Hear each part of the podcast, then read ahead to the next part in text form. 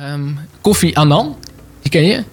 Ik- Dat is een, eh, ehm, eh, even kijken, een diplomaat afkomstig uit Ghana. Die was eh, eh, eh, ehm, heel lang eh, ja, een bekend gezicht van de Verenigde Naties. Kofi Oh, Annan. ja, ja, ja. Ja. ja. ja. En het schijnt dus Ik te dacht dat je zijn- nou v- een soort koffie vroeg. Nee, nee, dit heeft nog niks met de koffie te Nee, maken. ja, ja, ja, maar het zijn schijnt naam dus te ken ik. zijn dat, Ja. eh, want hij is overleden in eh, 2018. Mhm. dat eh, sindsdien, eh, of ook eigenlijk sinds dat hij eh, niet meer zo actief is voor de Verenigde Naties, dat er eh, eh, minder koffie gedronken wordt. Dat is de- ook Oh. onderzocht, want eh, vaak hadden natuurlijk mensen eh, bijvoorbeeld het nieuws aanstaan thuis. En dan hoor je zijn naam. Nou, zijn naam, en dan, dan wordt dat verstaan als de koffie kan aan!